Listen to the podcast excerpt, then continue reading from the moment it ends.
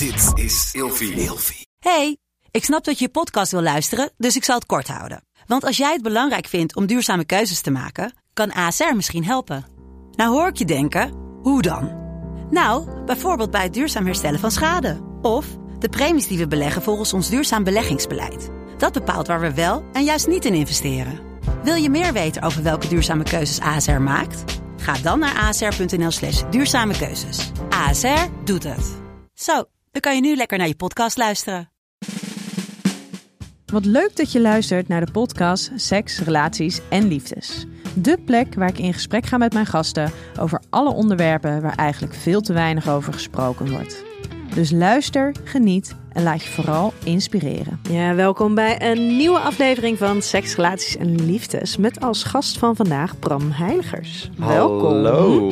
Hey, jij bent één van de deelnemers aan het programma Au Pairs. Waarin, eh, nou ja, ik wil zeggen jongeren, maar dat is ook niet meer. hè, Twintigers Ja. als au pair ergens aan het werk gaan en voor allerlei uitdagingen komen te staan. Eh, er waren zeker wat uitdagingen. hè? Nou, zeker, zeg dat. Ja. Ja, het was een eh wild ritje. Ja, Ja. hele, hele heftige, intense drie maanden. ja, dat klopt. Ja, en jouw plek waar jij zat, jij zat in New York, Ja. in Brooklyn. Yes. Eh, in eerste instantie met het idee, wauw, lijkt me gaaf. Maar daarna een soort van help, als dit is wat het is, breng me terug naar Nederland. Of Ja, nee, ik... ehm, het was alles wat ik had verwacht. Ik, eh, je hoort het ook in het intro dat ik vertel van... Ja, New York, de stad waar het... eh, nou ja, de glamour life, zeg maar. en eh, Ja. toen kwam ik in de kelder met kakkerlakken. een andere... Ja, een ander hoekje van New York, zeg maar. Ja, ja, ja, maar wel absoluut een hoekje van New York. Ja. Waarin, en ik vond het wel heel mooi. En ik ehm, denk wel, ik heb dan de serie gekeken en voornamelijk de stukken, want ik wist dat jij zou komen, de stukken van jou gekeken. Eh, maar ik denk dat het wel heel leuk is voor mensen ook gewoon, want je kan het terugkijken om het nog eens even te zien. Want er zitten echt wel situaties dat je denkt, hè? Hoe gaat dit? En ik vond het super spannend, want ik zag de intro ehm, van het gezin waar jij dus uiteindelijk bij zou komen. En dat zijn dus beide mensen, zijn dat dus voorgangers voor de kerk. Zijn mensen die echt bij de kerk betrokken zijn. En ik zeg nu eventjes de reden waarom ik dat een beetje spannend vond, was inderdaad, ehm, om, jij valt op mannen. Ja, Maar dat hoeft natuurlijk niet als vanzelfsprekend goed te gaan met zo'n gezin dan daar. nee. Dus ik dacht eerst, oh jee, en dan kom je daar. En dan word, jij, word je afgewezen om wie jij bent. Ja, ja, dat is ook iets waar ik wel bang voor was. Ook voordat ik meedeed aan het programma en wist waar ik terecht kwam, zei ik ook al de hele tijd van ja, voor hetzelfde geld kom ik bij een gezin en accepteren ze me niet. Had ik ook eh, aangegeven dat ik dat echt wel heel erg spannend vond. En toen dat gezin zich introduceerde, had dat ook al die schijn. Ja, nou, ik had ehm, toen ik daar kwam, toen was het wel een heel fijn gezin, maar toen gingen ze dus vertellen over de kerk en toen moest ik wel even slikken. Want ja, dat- ja, misschien heel stom, maar mijn hoofd gaat dan toch meteen naar van, oh ja, eh, homoseksualiteit, dat is daar niet, eh, ja, niet echt, eh, wordt, wordt daar niet echt gewaardeerd.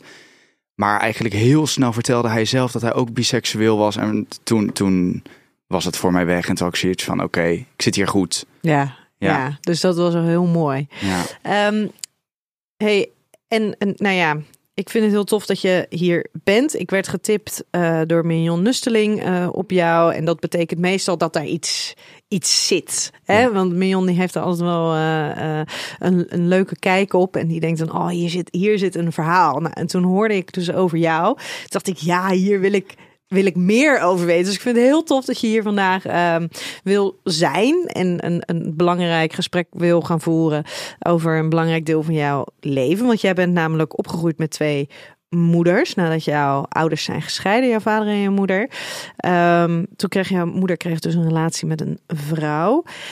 En vervolgens kwam jij er in je tien jaren zelf achter dat jij op mannen viel. Ja. Jongens, mannen.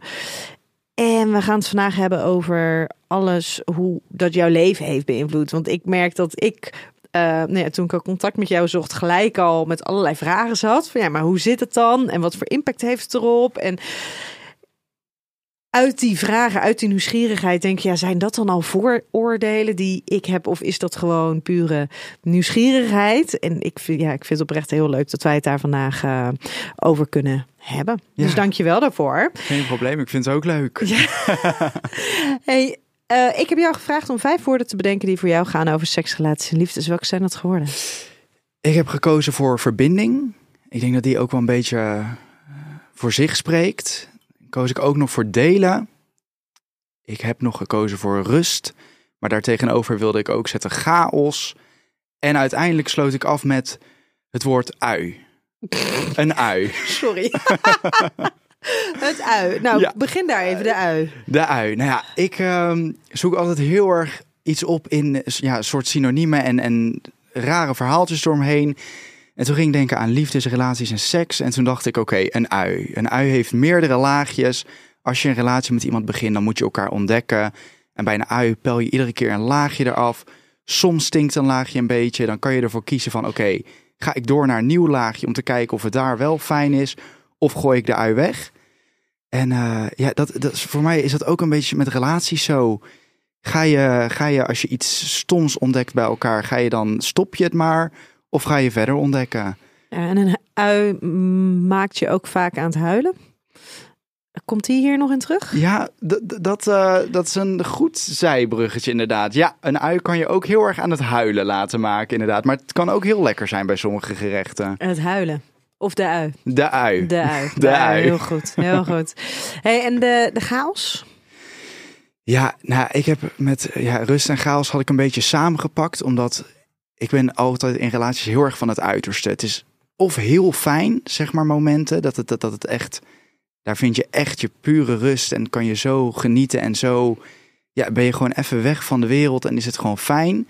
Maar als het stom is, dan is het pure chaos. Mijn hoofd die, die slaat op tilt, die weet niet wat hij moet. En dan is het eigenlijk gewoon even helemaal eh, kut. Ja. Nou, ken jij ook een middenweg? Dat is een hele goede vraag. Ik weet het niet. Ik denk dat er absoluut wel middenwegen zijn, maar dat ik me daar heel moeilijk kan laten staan. Ik denk dat ik er langs kom, maar dat ik heel snel alweer in dat uiterste ga. Maar is dat vanuit verveling, vanuit dit is niet hoe het hoort te zijn? Is dat ik wil meer? Of ga Ja. je gewoon lekkerder op uiterste? Ja, ik word zelf heel moeilijk verliefd. Ik heb zeg maar ook echt wel een diepe connectie met iemand nodig. En als ik dan eenmaal verliefd ben, dan ben ik enorm verliefd. En ik denk dat daar ook weer dat uiterste in zit. Dat ik, ja, dat ik, als het heel fijn is, dan is het echt het fijnste gevoel wat er is. En als het even wat minder is, dan is het gelijk echt het vreselijkste gevoel wat er is. Nou, ben je vaak verliefd geweest? Nee. Of nou ja, ik heb heel veel verkeringtjes, verkeringtjes gehad. Maar echt verliefd denk ik echt maar één keer. Ja. Nou, en de, de, de, dat was degene met wie de relatie uitging vlak voordat je naar New York ging? Ja, dat klopt. Ja. Oeh, hoe is dat dan? Want dan, de show must go on. ja, voordat ik naar New York ging, toen had ik sowieso een beetje, ja, liep het niet helemaal lekker in de relatie. Dus het was Hoe lang al... waren jullie toen samen? Hoe lang? Ja. Bijna twee jaar. Ik denk anderhalf jaar waren we samen. We hadden toen ook al samen gewoond, dus we waren echt wel... eh, Samen, samen. samen, samen. En we kennen elkaar al heel lang. We zijn ook echt beste vrienden. Maar ehm, ja, het liep allemaal niet lekker voor New York. En ik merkte dat ik daardoor ook heel slecht in mijn vel zat. Nou, uiteindelijk kreeg ik te horen dat ik naar New York ging. Vond ik heel fijn. Maar toen ging het eh, uit. En eh, nou ja, dat was eigenlijk echt... Ja, het, wa- het, ik, ik had zoiets nog nooit gevoeld. Ik had zo'n verdriet. Ik had echt... Ik denk dat ik nog nooit zo verdrietig ben geweest. Het deed echt zeer. En eh, toen ging ik naar New York. En toen in New York was het eigenlijk een soort ontsnapping van mijn leven. Van even alle chaos liet ik achter in Werkendam. En eh, toen kwam ik in New York, een nieuwe stad. En dat was heel fijn. Ik leerde daar ook de andere au pairs kennen. Ja, en ik had daar gewoon echt mijn vriendengroepje. En eigenlijk een heel nieuw leventje. En ja, toen waren die drie maanden voorbij. En toen eh, kwam ik weer terug in mijn chaos die ik achter had gelaten in Werkendam. En ik merkte dat toen pas echt die klap in mijn gezicht kwam. Ja, Ja. En wist je hoe je met die klap om moest gaan? nee. Nee, ik had ook nog nooit... Dit was mijn eerste echt eh, ja, gebroken hart op het gebied van liefde. En ik, eh, nou, ik raakte mezelf ook echt wel kwijt daardoor. Ik wist echt niet zo goed hoe ik, eh, moest handelen, wat ik moest voelen, wat ik wel en niet mocht voelen. Ik vond het heel lastig. En hoeveel tijd zat er tussen ehm, de opnames, dus na die drie, die drie maanden, en het uitzenden van het programma? Er zat bijna een jaar tussen. Oh, dus daar heeft echt wel een flinke periode tussen gezeten. Ja, daar heeft echt Dus- wel heel veel tijd eh, tussen gezeten. Dus toen de aandacht kwam voor het programma, eh, dat er meer aandacht ook voor jou kwam. Toen was dat, had je ook al even de tijd gehad, in ieder geval een jaar ongeveer, om, om weer even stilte in die chaos te vinden. Ja, ja, ik had even tijd om eh, weer rustig te worden. Ja, hey, en je zei het, jullie eh, wa- waren beste vrienden, zijn beste vrienden. Hoe, hoe verhoudt dat zich nu tot elkaar? Nou, we spreken elkaar nog steeds heel veel. We hebben ook echt weer eh, leuk contact. We zien elkaar nog. En eh, dat is heel fijn. Maar soms vind ik het ook wel heel lastig, omdat ik wel merk dat ik nog steeds echt wel verliefd ben. En om daar nou echt een weg in te vinden, dat is echt heel erg zoeken met elkaar. Maar we helpen elkaar daar enorm in. En we zijn gewoon heel open. Dus Ja. dat scheelt gewoon Maar- echt een boel. Helpt het contact jou? Of is het juist lastiger? Het ligt eraan. Het ligt een beetje aan waar we gaan eindigen. Als we weer samenkomen, vind ik het heel fijn. En dat zou, zou, zou me echt heel gelukkig maken. Als het uiteindelijk toch niet werkt, dan denk ik dat ik opnieuw die pijn voel. Dus het is een beetje waar we gaan stranden. Dat je hart opnieuw gebroken wordt. Ja, dat denk ik wel. Ja. Waarom blijf je dan in de huidige situatie zitten? Ja, ik denk echt door verliefdheid. Ik ben echt wel heel erg verliefd. En ik, eh, ik ja, ik, ik eh, zie tot nu toe mijn toekomst echt nog wel met die jongen. Dus eh, En hij? Hij zegt zelf ook van wel, maar ik merk wel dat hij nog wel heel erg zoekende is. En ik wil hem daar ook de ruimte voor geven. Soms heel irritant, omdat ik ook gewoon duidelijkheid wil. Maar ja, je kan iemand niet forceren om een antwoord te geven daarop. Ben je bang dat als je hem wel een soort van voor een ultimatum stelt, dat, dat hij nu moet kiezen of dat jij anders de keuze maakt dat je hem dan kwijtraakt? Ja, ik merk zelf ook heel erg dat ik. Het begint eigenlijk een beetje, ja, heel stom gezegd, te vervelen. Ehm, en ik merk dat ik mezelf ook heel erg bescherm, omdat ik bang ben voor het antwoord wat ik niet wil horen. Dat, ehm, dat ik merk dat ik mezelf ook een beetje wegduw. Terwijl ik dat heel jammer vind, want daardoor ja, ga je alleen maar verder van elkaar staan. Maar ik, ja, ik weet het niet zo goed eigenlijk. Ik ben heel erg. Het is een hele ingewikkelde situatie. Ja, terwijl eigenlijk is het heel simpel. Je wil gewoon een antwoord van hem. Ja, Maar Ja. je snapt ook wel weer dat hij daar nog niet is. Dus ja. je wil hem ruimte geven. Maar jij bent dus degene die dat moet incasseren. Ja, eigenlijk wel. Ja, terwijl ik ook heel erg, ik, ik heb voor hoe het nu loopt, vind ik het goed. Maar het is wel de vraag, hoe lang hou ik dit nog vol? Ja. Hey, als eerste heb ik voor jou vijf kutkeuzes. Dus je moet kiezen. Ja. Intimiteit of seksualiteit? Ook ik vind het nu al lastig. Intimiteit of seksualiteit? Intimiteit. Nooit meer seks of nooit meer een relatie? Nooit meer seks. Strikte monogamie of een relatie met meer vrijheden? Strikte monogamie. Wat maakte dat je daar zo bij begon te glimlachen? Nee, ik, ehm, ik ben zelf heel erg. Ja, ik zou, ik zou nooit een open relatie kunnen beginnen. Nee. Dat is gewoon echt niet mijn ding. Maar ik ben ook heel erg van het strikt. Daar heb ik ook een beetje een allergie voor. Maar ja, als ik zou moeten kiezen, zou ik voor strikte monogamie moeten gaan. Verleiden met woorden of verleiden met bewegen? Verleiden met woorden. Porno kijken of erotische verhalen lezen? Porno kijken. Hey, ik heb ehm, vijf stellingen voor jou. En ik, eh, ik ben gewoon oprecht heel, heel benieuwd. Ehm, als je opgroeit met een lesbische moeder, is het voor de hand liggender dat je bij jezelf onderzoekt of je ook homoseksuele gevoelens hebt. Nou, als ik naar mezelf kijk, dan niet, omdat dat gevoel zat er hoe dan ook, ondanks dat ik twee moeders had. Als ik naar mijn zus kijk, zij heeft wel heel erg dat zij. Mijn zus is gewoon hartstikke hetero, maar ik merk wel dat zij, doordat ze twee moeders heeft, wel meer zoiets heeft van: oh, zou het niet ook zo? En ik merk dat ze het heel graag wilt, maar het zit er gewoon niet. Hoezo wil ze het heel graag? Ja, ik denk dat zij gewoon echt, na alles wat ze heeft meegemaakt met mannen, een pure hekel heeft aan mannen. En ik geef er groot gelijk. Mooi. Hey, en even kleine context. Ehm, jij bent voornamelijk opgegroeid bij, jou, uh, nou ja, bij jouw twee moeders dus. Bij jouw moeder en, en diens nieuwe, nieuwe partner. Maar jouw vader is ook nog wel in beeld. Maar je bent voornamelijk bij je moeders opgegroeid. Ja, klopt. Ja. ja.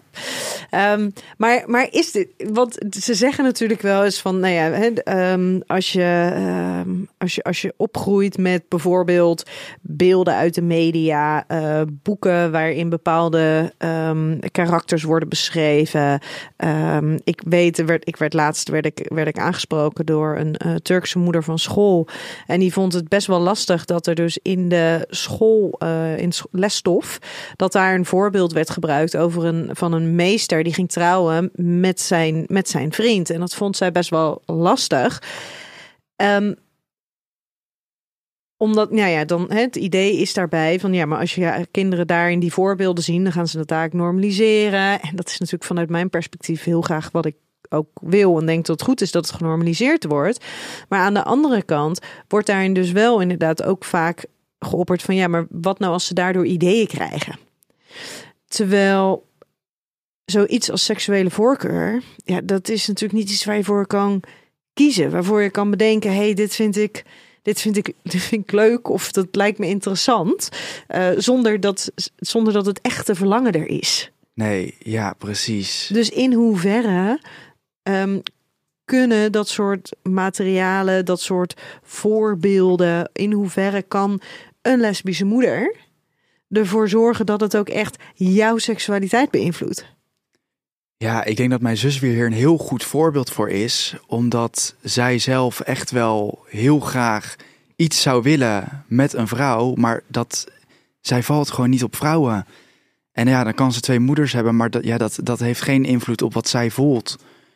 Dus ik denk, ja, ik, ik denk dat, het, ja, ik weet eigenlijk wel zeker dat dat nul invloed heeft op, op wie je verliefd wordt of op, op welk geslacht je valt.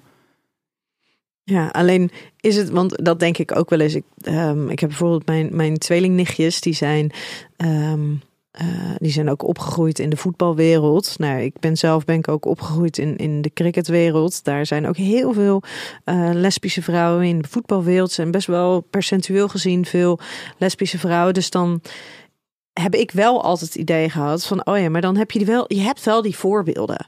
Dus kennelijk mag het, kennelijk kan het. Terwijl als je opgroeit in een, uh, in een dorpje waar het helemaal niet, niet bestaat. Nou ja, je bent ook in een dorpje opgegroeid, sorry. Dus. maar in ieder geval, zeg maar, als je bijvoorbeeld in, binnen een hele gelovige gemeenschap opgroeit. waarin er helemaal geen voorbeelden bestaan van, van homoseksualiteit. Dat heel veel, heel veel mensen er ook helemaal niet of pas veel later achterkomen wat homoseksualiteit is. Of dat ze dat überhaupt zelf ervaren. Dus daarin denk ik dat juist die voorbeelden ook wel weer wel een, um, nee, een stimulerende factor kunnen zijn. Ja, ik denk dat het niet invloed heeft op wat je voelt. Want op wie je valt komt zo vanuit binnenuit en invloeden vanuit buitenaf. Ja, dat is daar eigenlijk niet. Buiten, van buitenaf kan je niet beïnvloed worden van, oh jij valt op dit of dat. Maar ik denk dat dat inderdaad wel gaat over onwetendheid. Als je niet weet dat iets bestaat, dan kan je ook niet er een woord voor geven. Maar dat, ik denk niet dat dat je gevoel weghaalt. Ik denk dat je nog steeds wel hartstikke goed weet. Als je een man op straat ziet lopen, dat je daar iets bij voelt. Een man die je aantrekkelijk vindt. Dat je denkt van, oeh, ik. Uh, er gebeurt iets. Er gebeurt iets, inderdaad. Zou het dan misschien dan zo kunnen zijn dat um, het stukje inderdaad, dat gevoel, misschien een stukje onrust of heden gebeurt iets, maar dat dat dan een verschil is tussen um, weten, uh, dat zeg maar weten dat bijvoorbeeld homoseksualiteit gewoon er mag zijn. En dat je daar uiting aan mag geven. Dat je dan eerder dus in staat bent om dat, nou ja, dat onrustige gevoel misschien, of dat hey, er gebeurt iets gevoel, um, om daar woorden aan te geven, om daar betekenis aan te geven, wat dan dat stukje onrust is. En dat op het moment dat je dus wel dat gevoel hebt, maar opgroeit in een wereld waar, waar die onwetendheid is, Ehm, dat, dat je dan dat het veel langer duurt, dat proces. En dat je misschien eerder in stemmingsklachten verzand raakt, angstklachten. Voordat je komt bij dat stukje, hey, dit is, gaat over mijn seksuele gevoelens. Ja, ja, misschien ook wel dat je het, als je niet weet wat het is, dat je het ook wel eerder wegstopt. Dat je zoiets hebt van, nee, dit rare gedachten, dit stop ik weg. Maar ik vind het heel moeilijk om ja, hier iets over te vinden en over te zeggen, omdat ik zelf heel erg ben opgegroeid. En ja, ik ben opgegroeid met twee moeders. Dus ik wist vanaf het begin al dat het bestond en wat het was. Het is nou niet per se dat ik echt bewust erbij nadacht van, oh, ik heb twee moeders, dit is apart. Want het was zo normaal, ik, ik weet niet anders. Maar daardoor is, vind ik het heel moeilijk om ja, te zeggen hoe het is als je dat niet hebt. Want ja, ik kan wel mooi zeggen van ja, dat, uh, dat is onwetendheid. Maar ja, ik, ik heb geen idee wat zo iemand voelt als je daar totaal niet uh, mee in aanraking komt, zeg maar. Heeft het er, maar is, andersom dan, zou het er bij jou, in jouw leven, um, wel toe hebben kunnen bijgedragen dat je eerder het kon definiëren als zijnde, hey, dit is wat ik voel en het mag er zijn? Nee, ik denk het niet. Ik denk dat het. Want hoe is het bij jou gegaan? Dat hele, dat hele nou ja, proces. Ik weet niet of het een proces was, maar. Ja, mijn moeder is altijd heel erg uh, open geweest erover, dat wel. Ze heeft ook altijd gezegd van, hey, ook tegen mijn zus, het maakt niet uit met wie je thuis komt. Ik zie het wel. Ik, uh, als jullie maar gelukkig zijn, zou ook een beetje hypocriet zijn als dat niet zo was. Maar uh, zij, mijn moeder is heel bezorgd. En zij heeft heel vaak aan mij gevraagd. Ik denk dat zij, zij ja, ik was haar kind. Zij heeft zoiets echt wel door. En daardoor is ze heel vaak aan mij de vraag gaan stellen van, hey, voel je iets anders? Uh, zou je ook op jongens kunnen vallen? En dat deed ze echt uit het beste van haar hart. En op welke leeftijd? Ik denk dat dat rond de middelbare schoolperiode ongeveer begon met, hey, omdat ja, als kind, daar ben je er totaal niet mee bezig. En dan des te ouder je wordt, des te meer je wel ook liefde gaat ervaren en zo. En ik kreeg toen ook wat vriendinnetjes. En uh, ja, mijn moeder, die, die, die is niet achterlijk. Dus die, ik speelde met Barbies, ik had de rokjes aan. Kijk, hartstikke leuk natuurlijk. Maar dan begint er ook wel iets te branden bij, uh, ja, bij mijn moeder. En uh, doordat ze dat altijd vroeg en ik ontkende het altijd, ook omdat ik er nog niet helemaal mee bezig was. Um, uiteindelijk begon ik wel wat te voelen van, oh shit, misschien had ze toch een beetje gelijk. En eer dat ik echt erover begon na te denken en bij mezelf begon te denken van, ah ja, nee, ik val op mannen, uh, durfde ik het niet meer toe te geven. Ik had zo vaak het ontkend en het voelde bijna als een leugen en dat als ik het uiteindelijk zou vertellen, dat ik dan toegaf, dat ik dan iets verloor, dat ik dan de strijd had verloren. Dus juist doordat mijn moeder zo open en zo fijn erover was, maakte dat het alleen maar moeilijker, omdat ik ik had zo vaak nee gezegd dat ik die ja gewoon, die, die woorden durfde ik gewoon niet meer uit te spreken. Had je het idee dat je dan, dat zij misschien wel het gevoel zou hebben dat je tegen de gelogen zou hebben? Nee, dat denk ik niet per se. Want ik denk, mijn moeder weet als de beste hoe het is en hoe spannend het is om dit te vertellen. Maar ik denk dat ik mezelf gewoon enorm gek maakte ermee. Dat ik het idee had van, ah, oh, ik, denk dat ik zelf bang was van, ah, ik heb gelogen. Ik denk niet dat mijn moeder dat zou denken en daar was ik ook niet bang voor. Maar ik had vooral zelf het idee van, shit, ze heeft het zo vaak gevraagd en ik heb zo vaak nee gezegd. Ik heb een vraag, maar ik denk dat die straks nog even terugkomt. Um, dus we gaan even naar de volgende uh, stelling. Namelijk opgroeien met een lesbische moeder maakt het makkelijker om uit de kast te komen.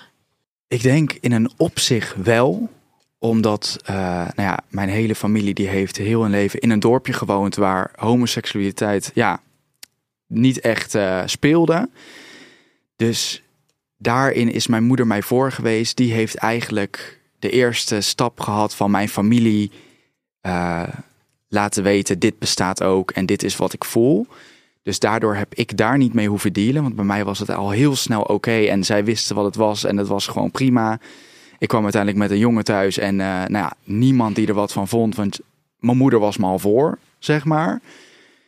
En je moeder in een hele andere situatie, want die was namelijk getrouwd geweest. Tenminste, ik neem even aan, getrouwd ja, geweest. Ja, getrouwd geweest. Er waren kleine kinderen in het spel. Uh, het, ze ging. Ze, ze, ze um, verbrak haar relatie, haar gezin voor een andere vrouw. Ja, ja Dus klopt. de impact daarvan is natuurlijk inderdaad veel groter dan dat jij als jonge jongen aangeeft dat je op mannen valt of op jongens valt. Ja, ja, klopt. Ja, mijn moeder en mijn vader waren al uit elkaar. En later realiseerden ze pas van, oh, ik val op vrouwen. Dus het was niet dat ze de relatie had verbroken vanwege dat ze op een vrouw verliefd werd.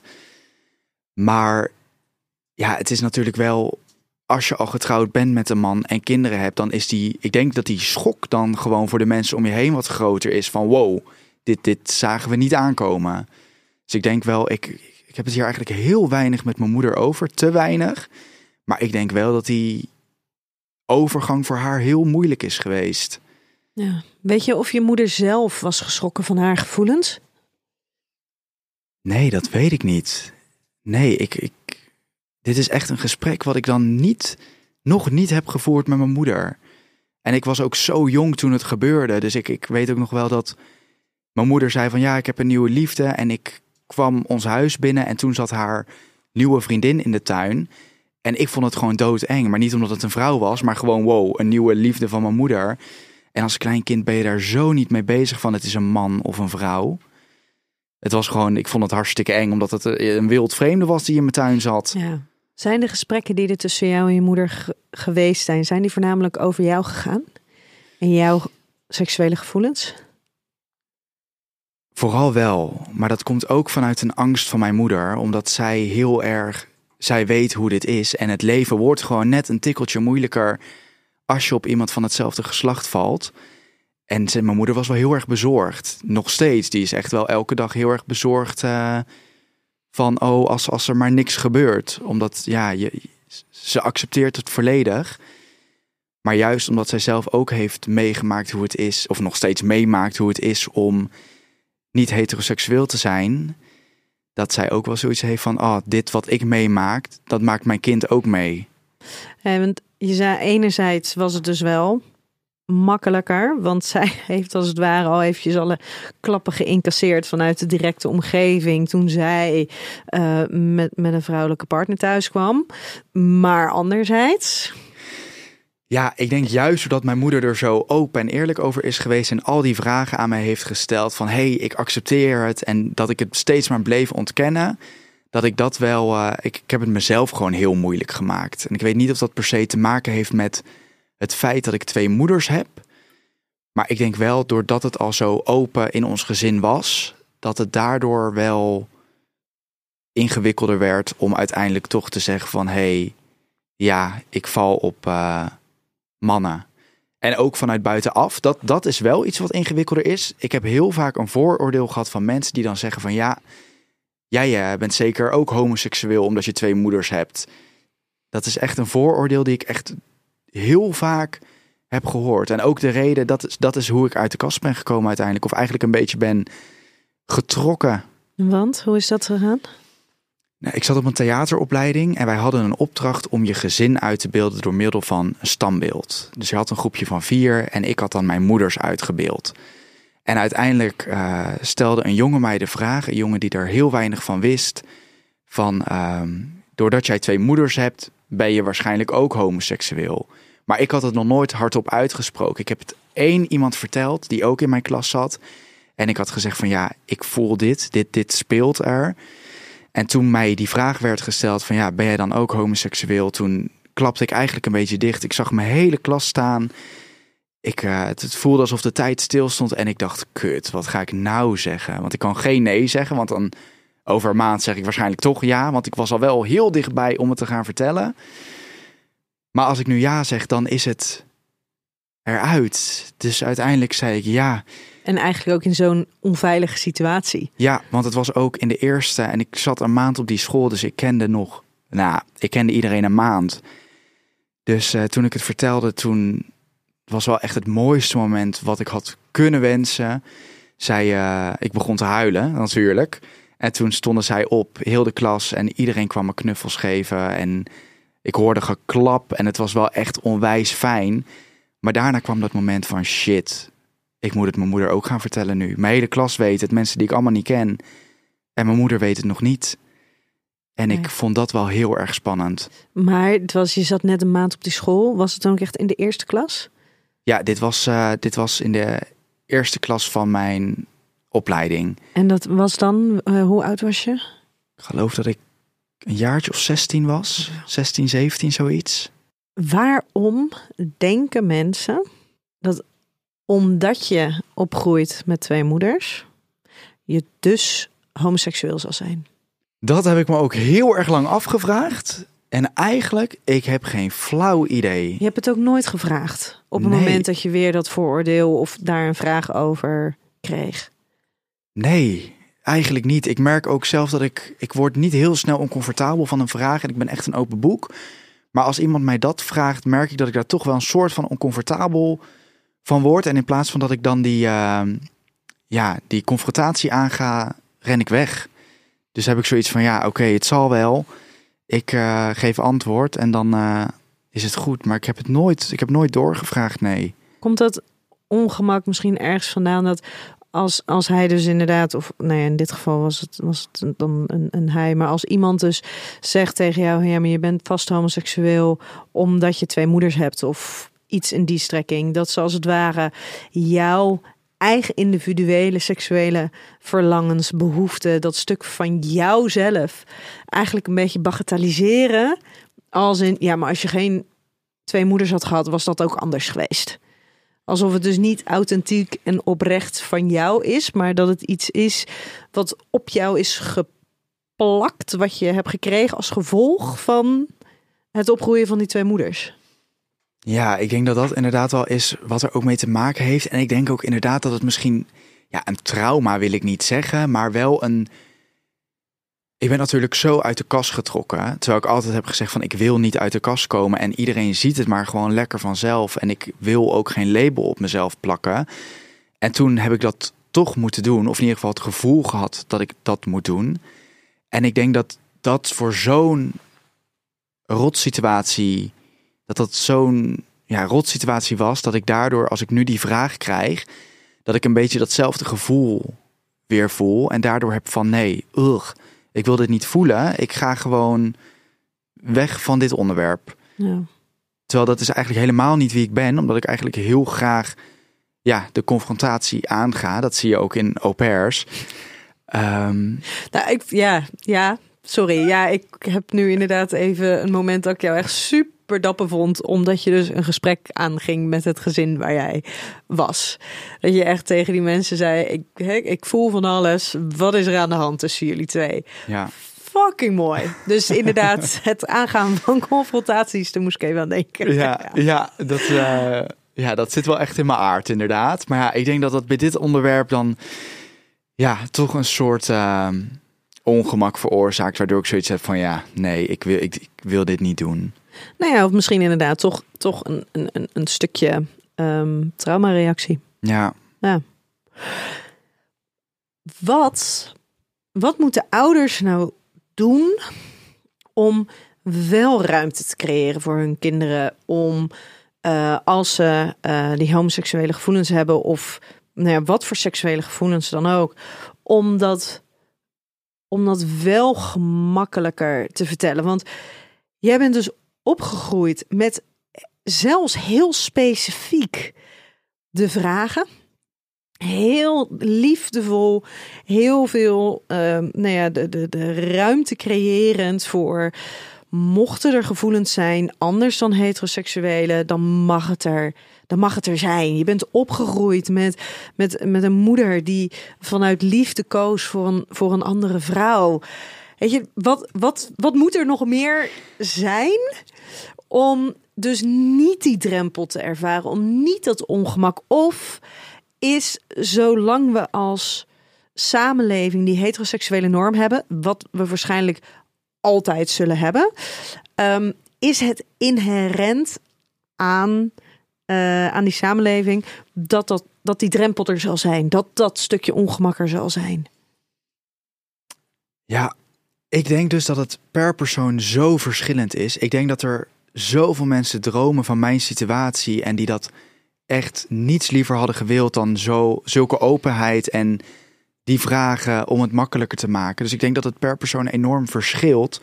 Ik denk dat ik als persoon het heel fijn had gevonden als er juist niet zo'n druk op werd gelegd. Of niet zo die nadruk op werd gelegd van...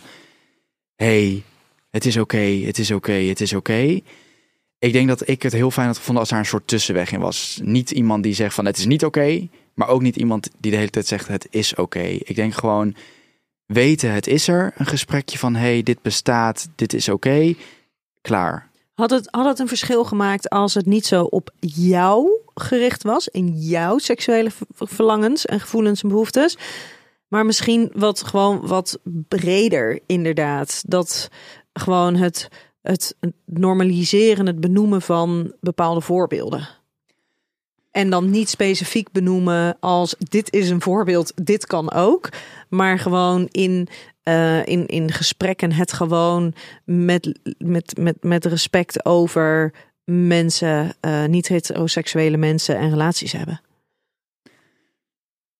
Ik denk het in een zin wel, omdat ik heel erg, als we een gesprek hadden, het gevoel kreeg van: oh, de ogen zijn nu op mij gericht. En daar hou ik niet van. Ik heb het liefst gewoon. Hou lekker... je niet van aandacht? Nee, hou je er niet van als de uh, ogen op jou gericht? Ligt eraan waar het over gaat. Ah. ik kan ervan houden. Maar ja, als het gaat om iets wat ik nog even wil verbergen, dan liever niet. Maar ik denk dat iedereen dat wel heeft. Iets zoiets kwetsbaars. Ja, zoiets kwetsbaars inderdaad. Ik denk dat het Ah, ik weet het niet. Ik vind het een hele lastige vraag. Ik denk het in een zin wel, maar ik denk in mijn situatie dat het niet anders kon. Juist ook omdat ik in zo'n dorpje ben opgegroeid waar het gewoon niet vanzelfsprekend was, is het denk ik juist heel goed dat mijn moeder dat wel benoemde van hey Bram. Ja, heel stom gezegd, het is nou eenmaal anders. Ook helemaal omdat het echt, nou, dit is tien jaar geleden, dus daar was het ook nog gewoon super. Ja, ga ik raar zeggen? Ik zeg maar raar, maar raar is uh, anders. Ja, ook niet anders. Ik weet niet zo goed hoe ik heel. Het is niet de norm. Precies, voor de niet meeste de mensen, norm. ja. Maar ja, wat, ja. Nee, ik weet het eigenlijk niet zo goed. Ik denk ook dat dat per persoon heel erg verschilt. Ik denk dat iemand het heel fijn vindt om het zich heel erg op zichzelf te betrekken. En ik denk dat anderen het fijn vinden om het helemaal niet te bespreken. En anderen weer heel fijn om het gewoon in het algemeen te bespreken. Ik denk dat ik het wel fijner had gevonden als het meer in het algemeen ging. Maar daarbij neemt het niet weg dat nu naderhand ik wel heel veel liefde heb voor mijn moeder dat ze het zo heeft gedaan. In dat moment vond ik het wat lastiger. Ook omdat ik nog wel jong was. Maar naderhand, ja, is het alleen maar heel fijn en zie ik gewoon die bezorgdheid en die liefde die mijn moeder voor me heeft. Ja. En dat is gewoon wel echt een heel fijn gevoel. Ja, maar ik vind het echt wel lastig ook als, als moeder zijnde van ehm, ja, hoe ga je daar nou mee om? En ik ben dus eigenlijk heel dankbaar dat ik ehm, een aantal gewoon mensen in mijn omgeving heb. Mijn broer, mijn, mijn nichtjes, ehm, die dus niet heteroseksuele relaties hebben. Waarbij dat dus gewoon op die manier genormaliseerd wordt. En dat ze daarmee gewoon een voorbeeld hebben van, oh ja, dat, dat, dat, dat is normaal. Ja, En dat je dus ook niet zozeer die gesprekken dan ehm, misschien moet, hoeft te hebben, of voortdurend, omdat elke keer als zij in het leven voorbij komen, eh, wordt er al iets, iets gezegd. ja. Weet je, het is oké, het mag, het kan.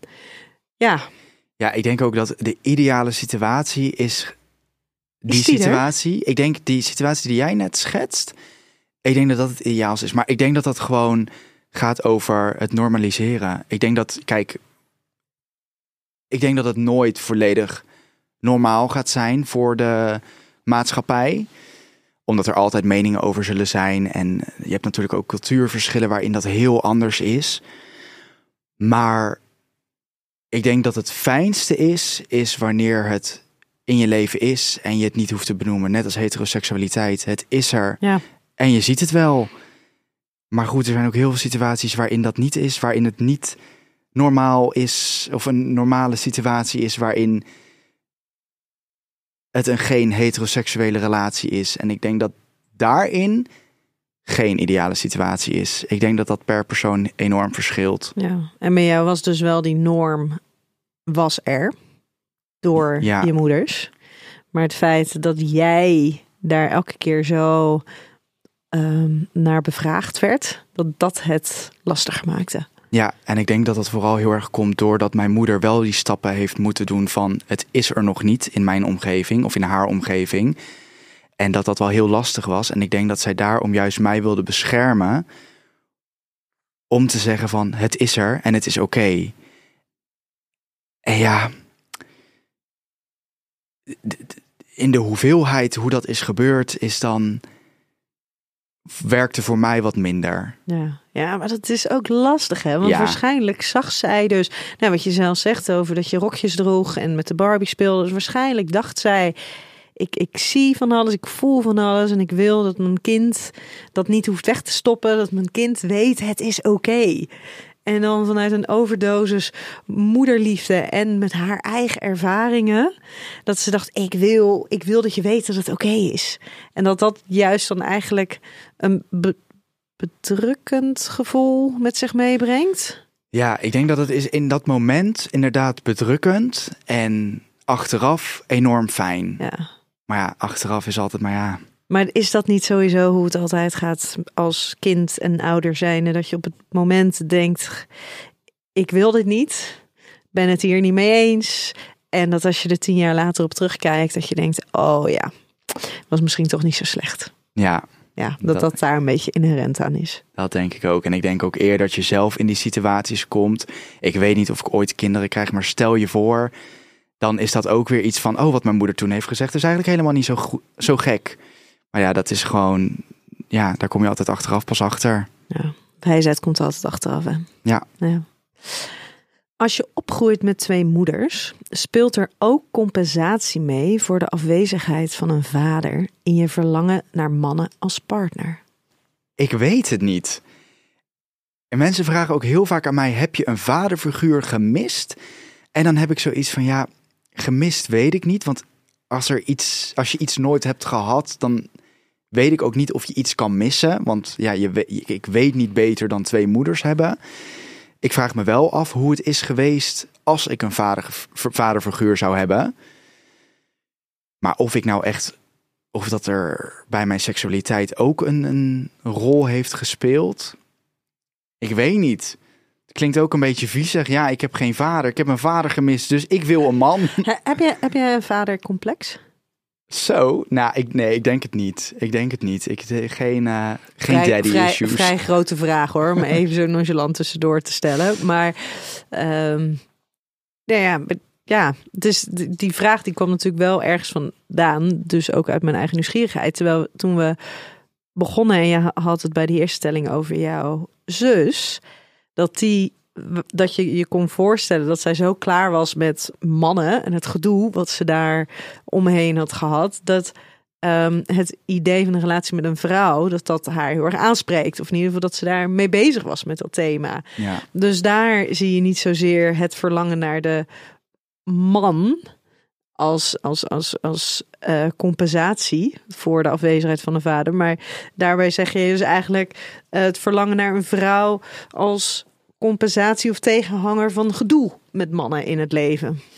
Ja, want ik denk ook dat zij daarin heel erg ziet van... Zij heeft natuurlijk alleen maar relaties gehad met mannen. En nou, dat liep niet lekker. Eh, allemaal niet overigens. Dus zij was op een gegeven moment helemaal beu. En dan keek ze naar mijn moeders. En die hebben dan gewoon een hele liefdevolle, fijne relatie samen. Dus ik denk dat zij daarin zag van... Oh, maar dit wil ik ook. En ik denk dat daarom dat bij haar dan inderdaad, inderdaad het tegenovergestelde ligt. Dat zij ziet van... Hey, twee vrouwen, dat is zo liefdevol. Ja, dat is natuurlijk ook per relatie, per koppel anders. Maar haar voorbeeld waren dan wel onze moeders.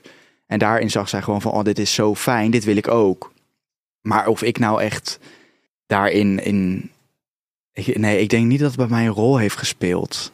In, in de zin van dat ik daardoor op mannen ben gaan vallen. En ook omdat, zeg maar, het type man waar ik op val. Oh, heel scandalous, maar is ook niet per se heel mannelijk, zeg maar.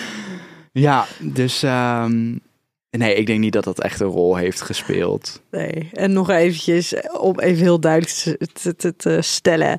Je, je kiest natuurlijk niet voor je, je, je seksualiteit. Hè? Nee. Het, is, het, het is er. Maar inderdaad, ehm, heel veel mensen die problemen hebben of ingewikkelde relaties hebben met hun vader. ehm, nee, dat zie je, zie je gewoon doorwerken in de relaties die ze aangaan met hun partner. Dus ik- nou ja, ergens toch wel die nieuwsgierigheid van ja, maar speelt dat dan hier ergens ook in door? Ik heb daar eigenlijk nog nooit echt over nagedacht. En even over die mannelijkheid. Ik ben daarin verder ook niet heel mannelijk hoor. Als je mannelijk even quote. Het is natuurlijk niet eh, iets... eh, ja, wat is mannelijkheid? En wat is mannelijkheid dan? Als jij niet op hele mannelijke mannen valt. Ja, stereotyperend zou ik zeggen echt van, ja, van die hetero mannen... waar je eigenlijk bijna bang voor wordt. Die, oh, die eh, zeg maar echt het baasje willen zijn. Maar ik vind voor man, mannelijkheid is voor mij zo breed. Kijk, in principe, ik ben een man. Ik heb iets tussen mijn benen hangen. Dat vind ik al behoorlijk mannelijk. Maar eh, ik weet het niet. Ik denk, ik, ja, dit is heel suf eigenlijk. Maar ik denk, zolang je jezelf bent en je voelt je mannelijk, vind ik, ben je mannelijk. Ik denk niet dat er een woord. Ik denk niet dat je mannelijkheid kan beschrijven. Dat is ook weer bij iedereen anders. En toch begin jij met van die heteroseksuele mannen die zo zijn. Ehm, zijn er ook? Kunnen, kunnen ehm, mannen die homoseksueel zijn, kunnen die dan niet zo zijn? Oh, zeker. Jawel. Absoluut. Ja, dat wel.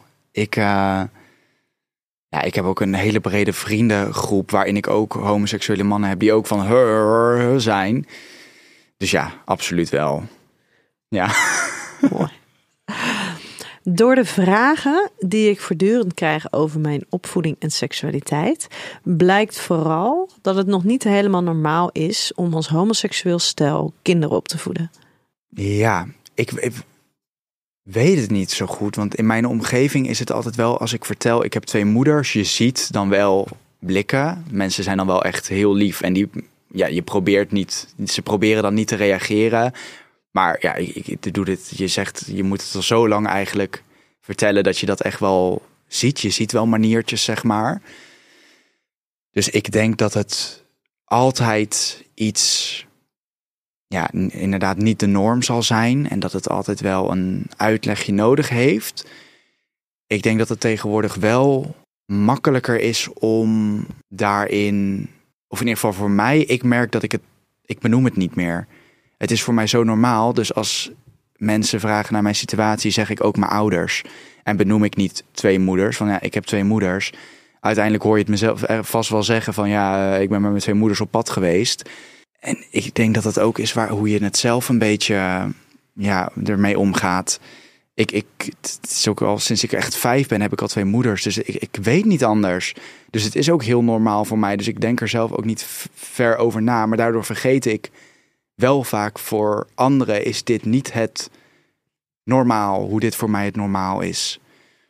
En daarin is soms wel die schakel van, oh ja, ik moet het wel nog even duidelijk maken van, oh ja, ik heb twee moeders. En mensen stellen dan altijd wel vragen van, ja, maar hoe is dat dan ontstaan? Heb je dan een, eh, ben je dan een donorkindje of ben je geadopteerd? Ze gaan echt gelijk mega Ja, er komen privévragen dan stellen, hè? Ja, er komen wel vragen. Maar ik ben ook wel een open boek en ik vind dat helemaal niet erg. Ja, maar het zegt ook niks over jou en of jij daar oké mee bent. Maar dat zou toch, hoe gek zou het zijn dat als ehm, ik iemand zou ontmoeten en ik heb iets over mijn ouders.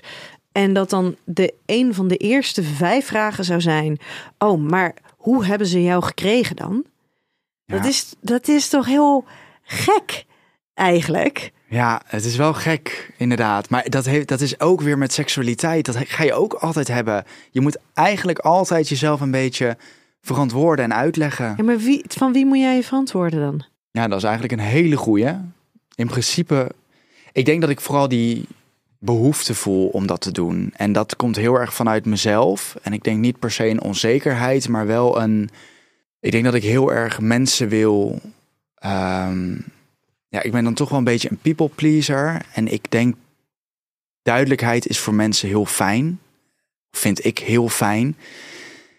En ik heb dan toch het idee dat als ik het ga uitleggen, dat die duidelijkheid er is en dat dat dan fijner is. Maar in principe, ja, je hoeft je eigenlijk voor niemand te verantwoorden. Nee, maar helemaal niet over zoiets. Nogmaals, Nee. als iemand, als ik die zou ontmoeten en een van de eerste vragen zou zijn: Oh, hoe heb je, of, of nou ja, als het gaat over mijn eigen kinderen. Oh, maar wanneer is jouw kind verwekt dan? Dat is toch, hoe heb je je kind gekregen? Dat, dat zijn toch mega persoonlijke vragen.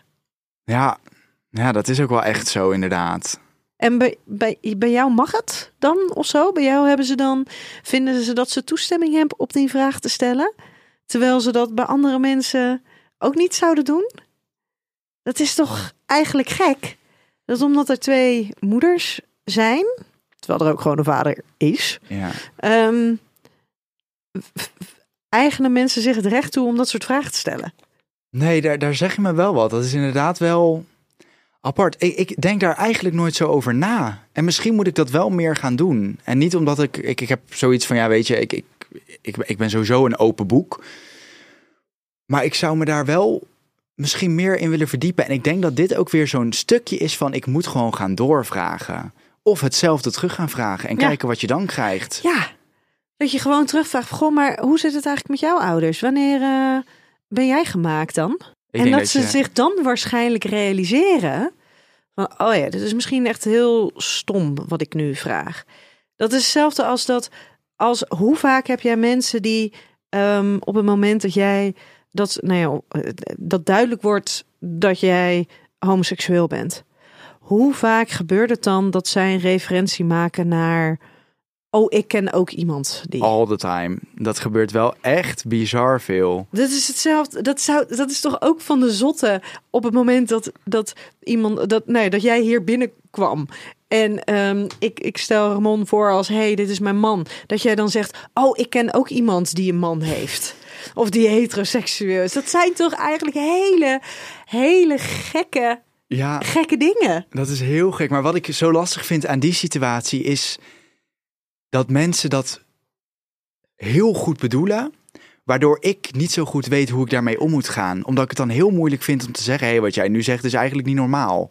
Terwijl, en dat, dat maakt het denk ik heel lastig, omdat die mensen dat bedoelen dat zo goed en zo lief. En ik denk dat ze daarmee eigenlijk willen zeggen van, hey, Het is oké. het is oké. Terwijl het zo raar is, want als mensen mij die vraag stellen, dan voelt het helemaal niet zo raar in mijn hoofd. Maar inderdaad, als je hem dan omdraait, dan voelt hij wel heel gek.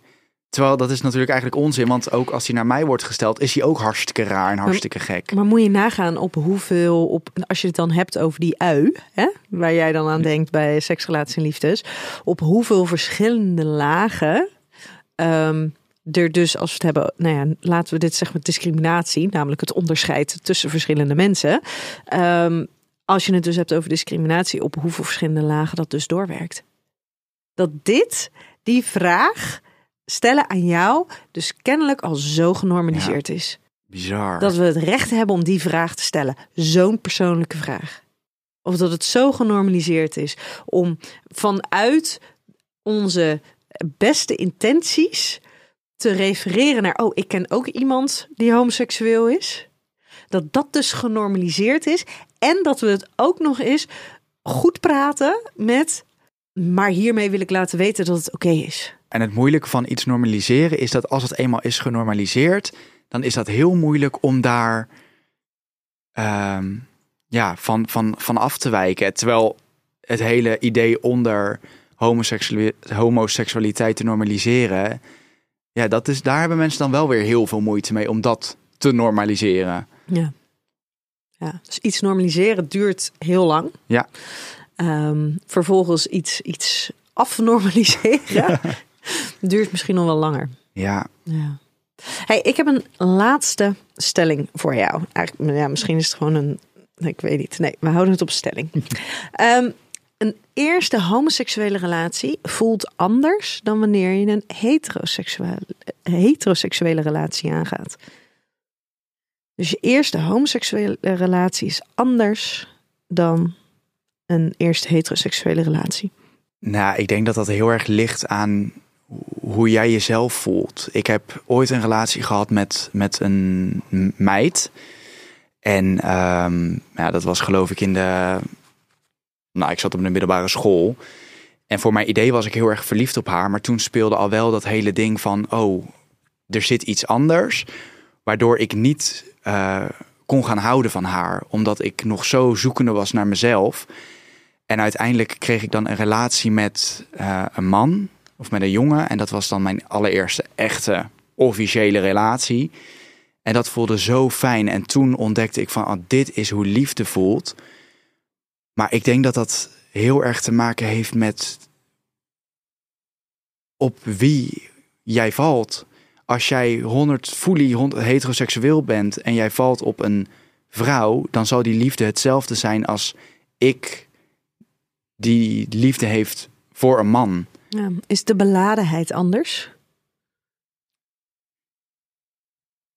En misschien het, het, het gevoel dat de relatie moet slagen of voor, de, nou ja, voor jezelf, maar ook voor de buitenwereld echt moet lijken?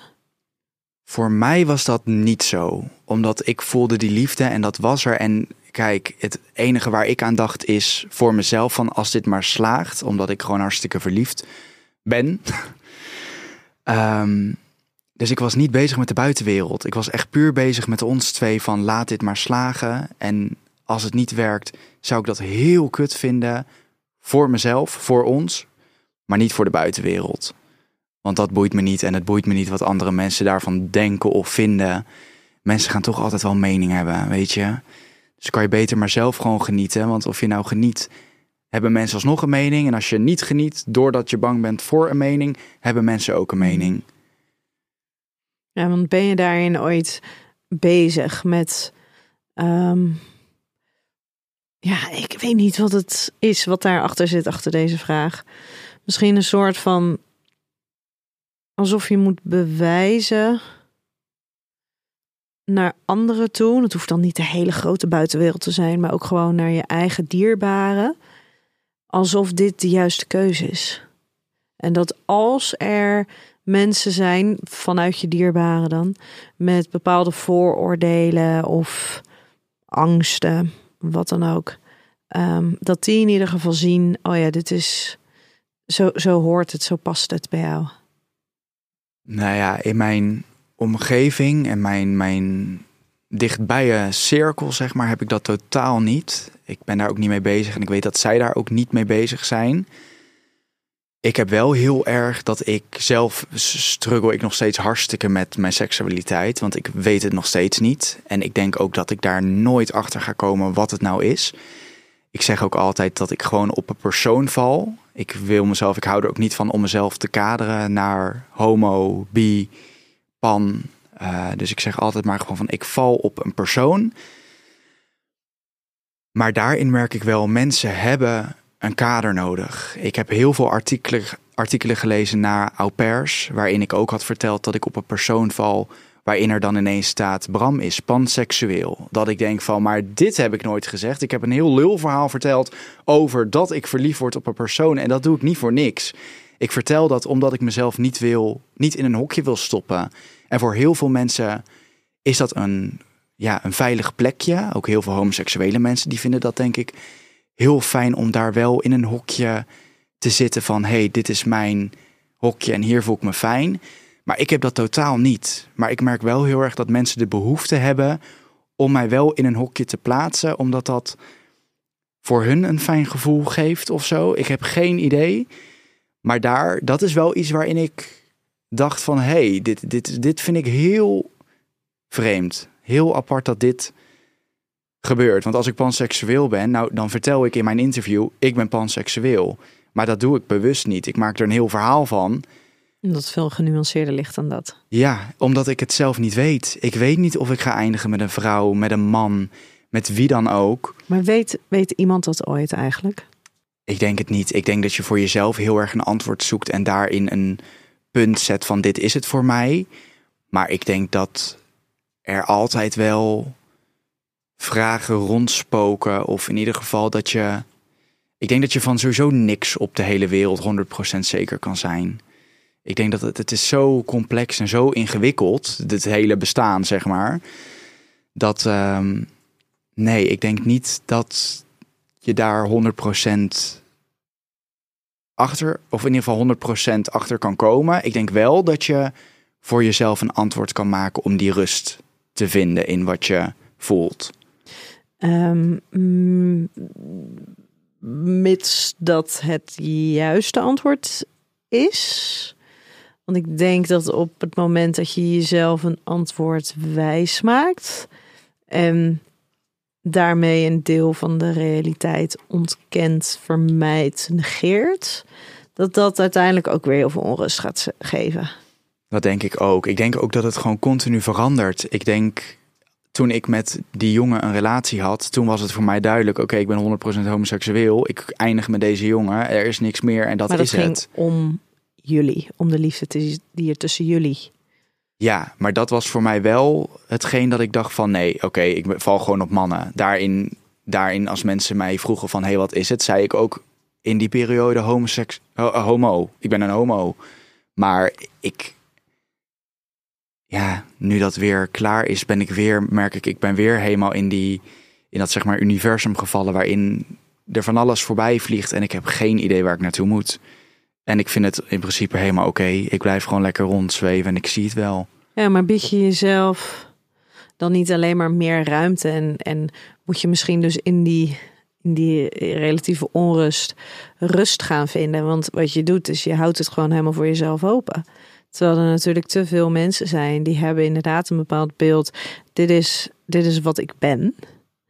Ehm, in termen van heteroseksueel of, of homoseksueel. Ehm, en dat, dat is waar ze, waar ze zich aan, aan willen houden. Dat is hoe ze zichzelf zien. En daarmee sluiten ze zich ook af voor andere mogelijkheden. Ja. Terwijl jij, uh, jij zegt: hey, we gaan het wel zien. Ja, ik denk ook dat mensen over het algemeen ook uit eigen ervaring, bang zijn voor het onbekende. En, en, zich, zich comfortabel voelen bij wat ze kennen, wat veilig voelt. En dat ze daarin maar, dat ze daar een beetje naartoe getrokken voelen. Dus niet zozeer die behoefte hebben om te gaan ontdekken wat er nog meer is. En ik denk dat ik dat heel lang ook heb gehad. En na een tijdje dat dat juist hetgene is wat mij een beetje verstikte. En ik dacht van, maar moet ik nu tussen homoseksueel en heteroseksueel gaan kiezen? En dat ik ook dacht van, ja, maar ik heb geen idee, weet ik veel. Hoe kan je die keus nou maken? Ja, ik, ik, dat dus, is ja. dat je gewoon niet weet. Ja, je, dat, die keus valt gewoon niet te maken als je zo. Ik denk überhaupt nooit, maar helemaal niet als je zo jezelf nog moet leren kennen. Maar dan kom je toch ook weer überhaupt bij de soort van het gedachtegoed van je, je seksualiteit en je seksuele voorkeur in deze. Want dat is toch niet iets wat je kiest? Nee, absoluut niet. Het, het, zit, er, het zit erin. Ja. En je kiest er niet voor. En natuurlijk kan je wel uh, proberen bepaalde keuzes te maken in in het uiting geven ernaar. Of naar het, het, het in vervulling laten gaan van bepaalde behoeftes. Of de keuze maken om bepaalde dingen te negeren. Omdat je denkt dat dat nou ja, beter is voor jouw leven. Um, daarin kan je keuzes maken. Maar wat, zeg maar, waar, waar jouw hart sneller van gaat kloppen. Weet je, waar je buik eerder van gaat kriebelen. Ja. Dat is geen keuze die je maakt. Nee, Nee, absoluut niet. Mensen vragen ook heel vaak aan mij van... oké, als je zou kunnen kiezen... of heel vaak, er is wel eens aan mij gevraagd... als je zou kunnen kiezen... Um, onder andere ook door mezelf. Ik heb mezelf dit ook afgevraagd. Zou je dan een knopje willen inklikken om heteroseksueel te worden? Om gewoon die relatie met een vrouw aan te gaan? En als die keuze gemaakt zou kunnen worden ik zou die knop ingedrukt hebben voor mijn eerste homoseksuele relatie. Per direct. Omdat ik voorheen dacht van ja, dan wordt het leven gewoon een stuk makkelijker. En dan heb ik al die meningen niet. Maar na mijn eerste relatie of tijdens mijn eerste relatie met een man dacht ik van nee, ik zou die knop never nooit meer indrukken. Nu nog steeds niet. Ik ben verliefd, verliefd geworden op wie ik verliefd word, in dit geval een man. En dat voelde zo onwijs fijn dat het me echt geen reet uitmaakt of ik nou verliefd word op een vrouw, op een man, op iemand die zich anders identificeert. Het maakt me echt geen drol uit. Dus ik zou nee, als, ik, als die vraag me nu gesteld zou worden, zou ik die knop never nooit meer indrukken. Hey, wij uh, moeten hem gaan afronden. Dank je wel dat je hier wilde zijn. Dat je al deze um, dingen met ons wilde delen. En ik vind het toch wel. Uh, ja, ik vind het toch wel mooi wat je. Zeker dat hele stukje over van ja, maar. Wat, wat maakt dan dat je dus als kind. En, en, en je, hebt, je hebt dus wel die, die, die, die homoseksuele gevoelens. Wat maakt nou dat je daar dus. Um, makkelijker over in kan gesprek kan gaan. En dat het dus helemaal niet als vanzelfsprekend is dat als er eigenlijk voortdurend over gesproken wordt, dat het je wordt aangereikt door een ouder, dat je het voorbeeld hebt van je, van, je, van je moeders. Dat het dus helemaal niet als vanzelfsprekend is dat dat er dus gewoon maar mag zijn. En dat het dan helemaal niet vanzelfsprekend is dat het dan ook makkelijker wordt voor jezelf om die gevoelens te erkennen. Laat staan naar de buitenwereld uit te spreken. Ja, nee. Nou, dankjewel. En ik, uh, ik hoop dat jij uh, de liefde van je leven gaat vinden. Ik hoop het ook. en lieve luisteraar, tot volgende keer bij een nieuwe Seksrelaties en Liefdes.